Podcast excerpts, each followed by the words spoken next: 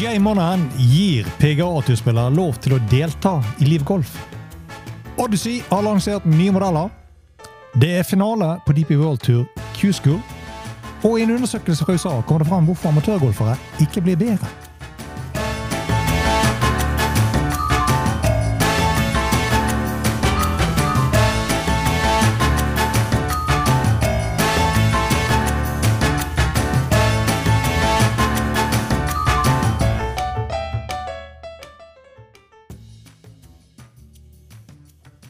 Hei og velkommen til denne episoden av Golf Plug, presentert av Turtek Golf.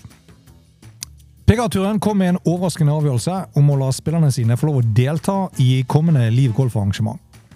Som rapportert og bekreftet av ulike instanser, så kan turspillere spille uten straff i neste måneds Liv Golf Promotions-arrangement.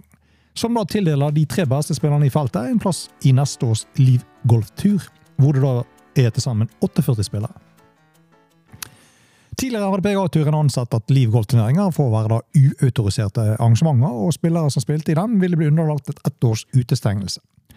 Men i en uttalelse sa turen at kampanjearrangementet er bestemt til å være en kvalifiseringsbegivenhet og ikke en del av en autorisert eller uautorisert serie. Så dermed ingen suspensjon. Promotion-turneringen ser imidlertid fortsatt ut til å være den eneste Liv-turneringen som PGA-spillerne kan spille, noe som betyr at hvis de da ender blant de tre beste etter uken, så vil de da måtte kunne ta en avgjørelse på hvor de skal spille basert på resultatet, om de da enten velger PGA-turen eller Liv Golf i 2024.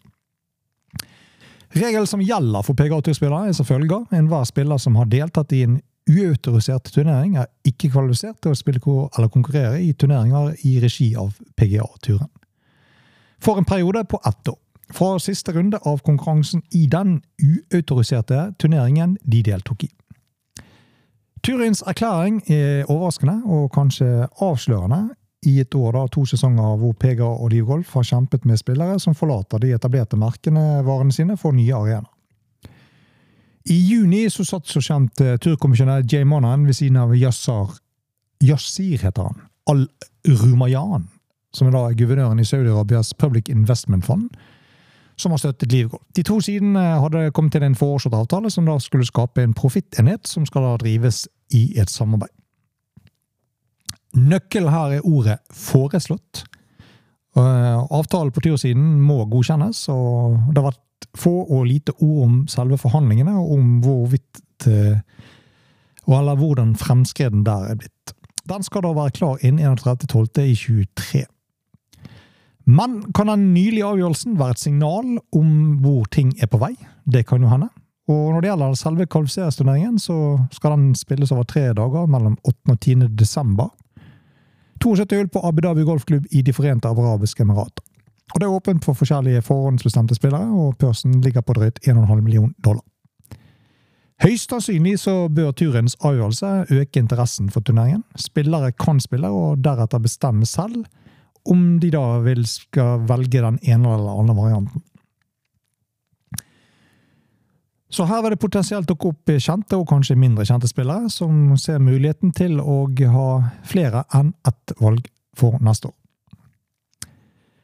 Og om det er knyttet en del usikkerhet til hvordan Liv og PGA-turens samarbeid kommer til å se ut, så er det mye mer klarhet i Tiger og Rory sin nye TGL-liga. For den virtuelle golfligaen, som de to har sluttet sammen, så har de da bygget en liste med velkjente PGA-turspillere fra det høyeste nivået, som også Liv Golf angivelig har vært på jakt etter. Og Patrick Gantley og Wyndham Clark er foreløpig de to siste som da har signert for uh, TGL. Så nå teller totalt 24 spillere. Og Denne ligaen starter jo som kjent i januar og blir spilt mandagskvelder på Palm Beach State College campus i Palm Beach Gardens.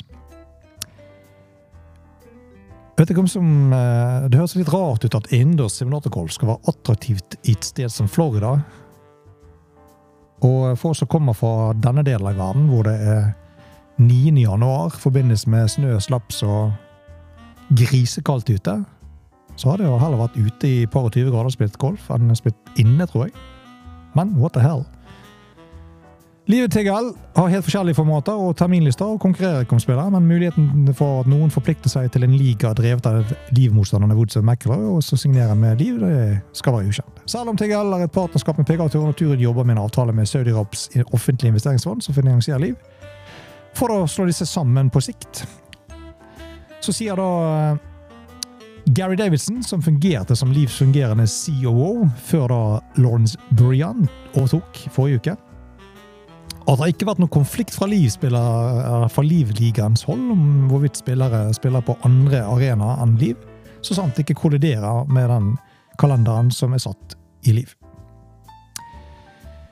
Vi er åpne for hvem som kan spille og vil spille, og vi begrenser ikke hvor spillerne våre kommer fra for å spille. Vi ønsker selv at de skal forplikte seg til å spille våre 14 lagturneringer. Utover det er vi veldig åpne for at de kan spille akkurat hvor de måtte passe dem. Og alle fra Fjell Mikkelsen og Bubba Watson til Liv-kommisjonær og administrerende direktør Geir Norman forventer jo ankomsten av flere viktige spillere denne offseason. Livs sesong ble avsluttet søndag for et par uker siden, hvor Bryson DeChambeaus Crushers-lag tok da lagmesterskapet på Dural. Geir Norman hevder at han personlig snakker med mange spillere som ønsker å komme til Liv. Ryktene sier jo også at det er mer uro i Liv enn eh, det har vært at det er faktisk spillere på vei vekk òg. Og Liv går jo nå inn i en offseason der de vil legge siste hånd på 24-sesongen med 14 nye turneringer på schedule. I mellomtiden så legger TGL siste hånd på sin arena, som skal være en luftstøttet kuppel som skal inneholde nærmere 2000 tilskuere og dekket området område på nesten med størrelse med en fotballbane. Lokalet vil inkludere en 40 meter bred kortspillskompleks med tre puttingflater, altså griner, og tre bunkre. Samt et gigantisk lerret som er ca. 60 fot bredt og 40 fot høyt. Så det er ikke småting vi snakker om i simulatorstørrelse her. Men igjen, er det noe i USA som ikke er gigantisk svært? TGL vil bestå av seks lag, hver av med fire spillere, som eh, konkurrerer head-to-head i 18. matchplay. Og Matchene de avkortes til to timer, og terminlisten vil inneholdes 15 innledende matcher og etterfulgt av semifinaler og finaler. En av de siste som signerte, det var Petter Kentley. Han uttalte jo det at dersom han snakket med andre spillere som var involvert i TGL, så mer ønsket jo han å være en del av dette nye konseptet, han òg. Og det hørte vi jo med Li for to år siden, at dette skulle være med gagne golfsporten, osv. Og Catley eh, uttrykte videre at dette var en flott mulighet til å flytte golfen fremover og gi noe til våre kjernefans, samtidig som vi viser sporten i et nytt teknologisk preg. Primetime og mer fordøyelig format. Og primetime for de fleste sportsalker er jo ikke mandag, da, bortsett fra Monday Night Football borti in the United States. Og eh, en annen ting som superslået Patrick Cantley vil få store problemer med her, det er jo en en av reglene som ligger i TGL-formatet. Og det er at det skal være tidtagning per slag. Maks 40 sekunder. Og klokker som skal da vise hvor lang tid du har på å slå et slag. Og dette jo, vil jo medføre at Patrick Hentley får ubegripelig mange strappeslag.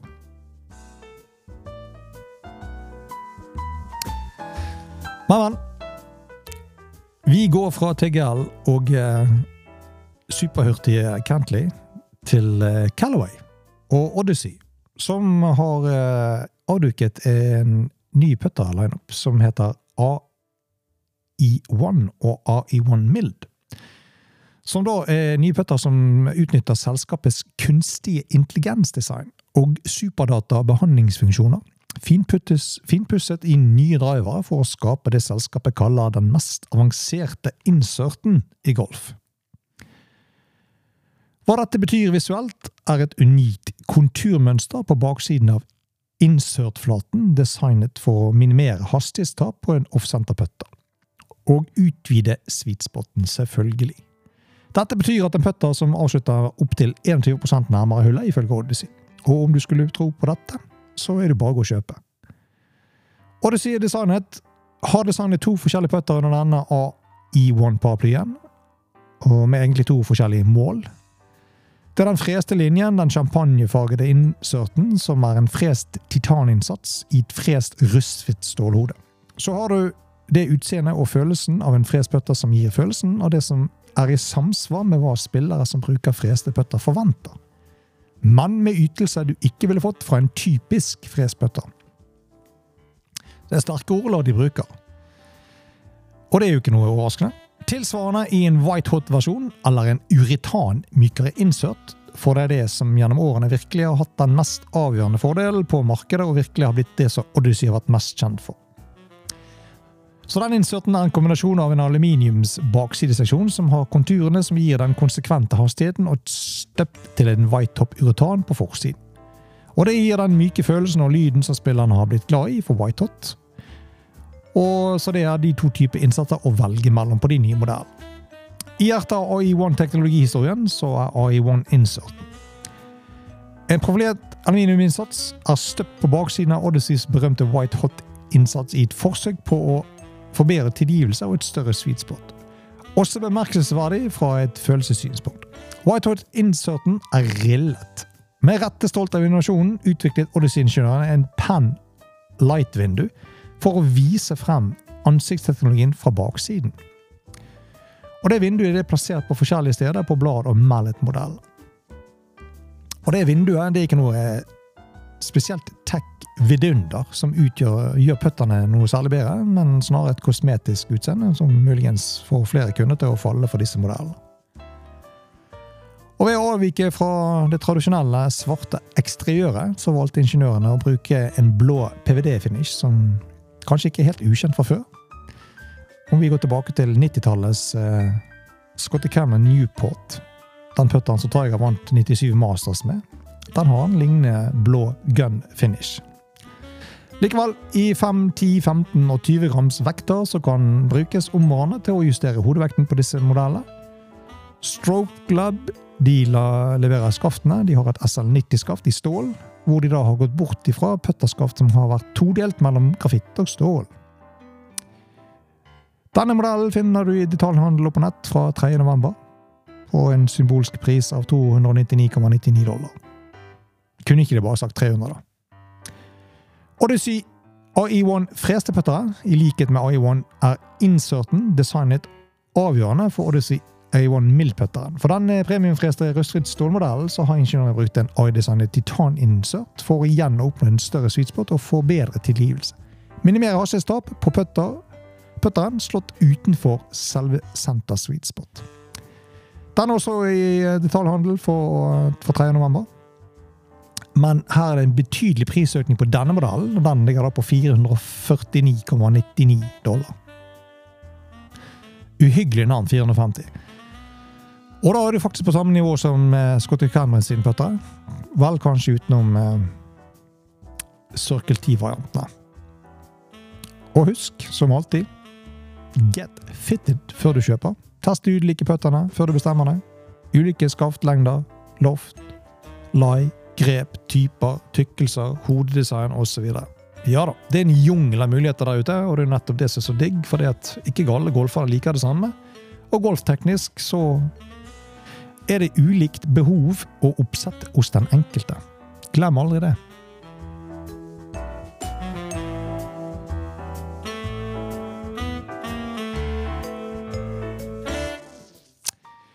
Så til et tema som kanskje er litt betent for mange eh, golfere. I hvert fall noen. I en nylig undersøkelse i USA så kom det frem følgende påstander. Den gjennomsnittlige golfscoren i USA, og nå snakker vi ikke langs proffene, mens amatørgolfere, den er fortsatt 100 slag per runde. Og det har den vært i over 50 år. Og Dette til tross for bedre utstyr, for bedre teknologi og baneforhold. Turingproffene de fortsetter å forbedre seg. Tilsynelatende er hver uke en ny turneringsrekord, til tross for at banene blir lengre og tøffere. Så hvorfor forbedrer ikke den gjennomsnittlige golfspilleren seg? Noen av disse problemene eksisterer, og når de kombineres, så ser man hva som forhindrer spillets forbedring. Dessverre skader det spillet og ansvarlige for hvorfor flere millioner golfere slutter hvert år, og hvorfor enda flere som vil bli golfere, ligger og venter og lurer på hvordan de skal klare å lære dette fantastiske spillet. Og litt av årsaken eh, ligger, ligger jo da påståelig hos de fem golfmaktene som danner World Golf Federation, som har gjort lite for å løse disse problemene. Stilbasert instruksjon er den dominerende formen for golfinstruksjon som fortsetter å forvirre golfere. Denne epidemien har kvalt spillforbedring og etablert et landskap av frustrerte golfere. Søket etter den perfekte svingstilen og ønsket om å skape visse flotte eller foretrukne stilstilte stillinger har ført til utallige bøker, videoer og lærere som lærte sin ideelle svingstil. Dette er et enormt bibliotek der ute som prøver å guide golfere i riktig retning. Eh, og likevel abonnerer ikke noen av de beste golferne i verden på noen av disse ideene. TV bidrar til forvirringen. En analytiker kan uttrykke sin mening om det beste grepet, beste oppsettet, beste baksvingen, beste downsvingen osv. En annen lærer kan sitte og se på det samme og direkte motsi, sånn at forvirringen florerer. Dagens gjennomsnittlige golfspiller får mye av sin informasjon på nettet, surfer på internett og ser på YouTube-videoer, mens de blir bombardert med utallige e-postmeldinger produsert av golfinstruktører som da leverer svingtips for å markedsføre sin virksomhet. Motstridende synspunkter forvirrer underutdannede golfere som søker etter ledetråder til å spille bedre golf. Desperat setter de kurs mot driving klare til å bruke det de nettopp har lest eller sett, men det hjelper sjelden og varer aldri. Et annet problem er at en krig har utviklet seg mellom golfklubbens ansatte og profesjonelle golfinstruktører. Hvor resultatet blir at kompetansen faller i takt med antall klubbansatte som leker fagfolk. Hoved- og assistentfagfolk som er underbetalte, tjener så tiltrengt tilleggsinntekt gjennom golfinstruksjon. Den ekstra tilleggsinntekten er avgjørende for mange klubbers overlevelse. Eller noen, i hvert fall. Og de er ikke opplært til å lære golf på seg, og de fleste lærer å instruere gjennom å kopiere en annen golfklubb professional, eller de leser bøker, ser på videoer og lærer mye om den gjennomsnittlige golfspilleren gjør. Som den gjennomsnittlige golfspilleren gjør, heter det. Klubbens ansatte synes det er vanskelig å konkurrere med en kompetent golfinstruktør som har viet sitt levebrød til instruksjonen, og det er et eget yrke som krever en eget sett med ferdigheter og spesifikk opplæring samt en bakgrunn fra golf som man bygger erfaring og kompetanse ifra. Så hvorfor overhodet prøve å gjøre en jobb du slett ikke er kompetent til å gjøre? Eller til og med late som om du er det? Og hvem er naiv og dum nok til å betale for instruksjon hos en instruktør uten kompetanse eller erfaring, men likevel later som om de har det? Er du en av de? Og med alt dette surret gående på mange plasser rundt omkring, så er det ikke rart at en statistikk viser at 70% av golfere som tar leksjoner, ikke forbedrer seg. I tillegg ønsker 38% av private klubbmedlemmer rundt omkring i å få et spilleforbedringsprogram. Men pga. at det er mangel på kompetanse, så finnes det ikke noen tilfredsstillende løsninger. Et annet trist bilde er at de fleste klubber genererer mindre enn 50 000 kroner i golfinstitusjon per sesong. De ivrige golferne er mange, og golfere sulter etter god instruksjon. Men med manglende kvalitet og kompetanse på instruktør, så er det ikke noe mystikk i rundt hvorfor forbedringen uteblir. Det er den ene siden av det. Og Ønsker du å bli en bedre golfer, så oppsøk PGA Pro med rett kompetanse og erfaring, altså kaster du bort pengene dine. For stilbasert instruksjon er meningsbasert, og et mislykket forsøk på å finne en perfekt sving som ikke eksisterer. Alle er forskjellige og bygget forskjellig, koordinert forskjellig og med forskjellige naturlige tilbøyeligheter. Og for ikke å snakke om læringsatferd. Forsøk på å sette dem alle i en boks er direkte katastrofe for sportsutvikling. Ikke ukjente Arnold Palmer og flere med han har sagt det samme. Sving din egen sving. Og fellesnevneren for alle de beste spillerne i verden er impact. Det er det eneste som betyr noe i golfsvingen. Finn din måte å komme dit på, og gjør det konsekvent. Effektbasert instruksjon av vaksinen til den stilbaserte undervisningsepidemien som ikke hører hjemme i moderne golf. God golfinstruksjon er nødvendig, men dessverre en mangelvare. Og det vil gjøre en enorm forskjell for mange golfere å få riktig veiledning. Og Ønsker du å bli en bedre golfer, så gå for all del til fagutdannet PGA-program med rett bakgrunn og kompetanse. Av erfaring, mange golfere kommer til timer, får med seg arbeidsoppgaver i bagasjen, og etter uker så har ingenting skjedd. Så kan du spørre seg hvorfor. Hjelper det med en halv bøtte på ranchen på tre uker? Det gjør det slett ikke bedre. Og ikke bland oppvarming og trening, det er to vidt forskjellige ting. 15 runder rundt samme bane på en uke, det hjelper heller ikke det lange løp. Og det er altfor mange golfere som rett og slett ikke forstår at det er omfattende og hardt arbeid som skal til over tid om du ønsker å bli en bedre golfspiller. Og når de oppdager det, så faller litt av korthuset sammen, og man finner fort frem fjernkontrollen og begynner å se på YouTube. Et ord som er mangelvare, det heter disiplin. Og du må ha nok disiplin til å legge ned antall treningstimer for å overhodet komme til noen vei. Det er helt avgjørende. Om du ikke har det, så er det ikke veldig rart at du fremdeles kommer inn med tresifret eh, tall på scorekortet ditt. Tror du at det er tilfeldig at uh, Viktor Hovland står igjen på ranchen etter at de andre drar hjem? Og mens du undrer deg over hvorfor han har hatt suksess, så spør deg selv følgende. Tilbringer du nok tid på treningsfeltet selv til å forvente den fremgangen som du ønsker? Hos Turtreik Golf har vi fagutdannet pro med lang og bred erfaring. Har du behov for hjelp til ditt spill, men ennå ikke nådd dine mål? Kontakt oss på Turtreik Golf på posta.turtreikgolf.no, eller sjekk vår hjemmeside på turtreikgolf.no for mer info.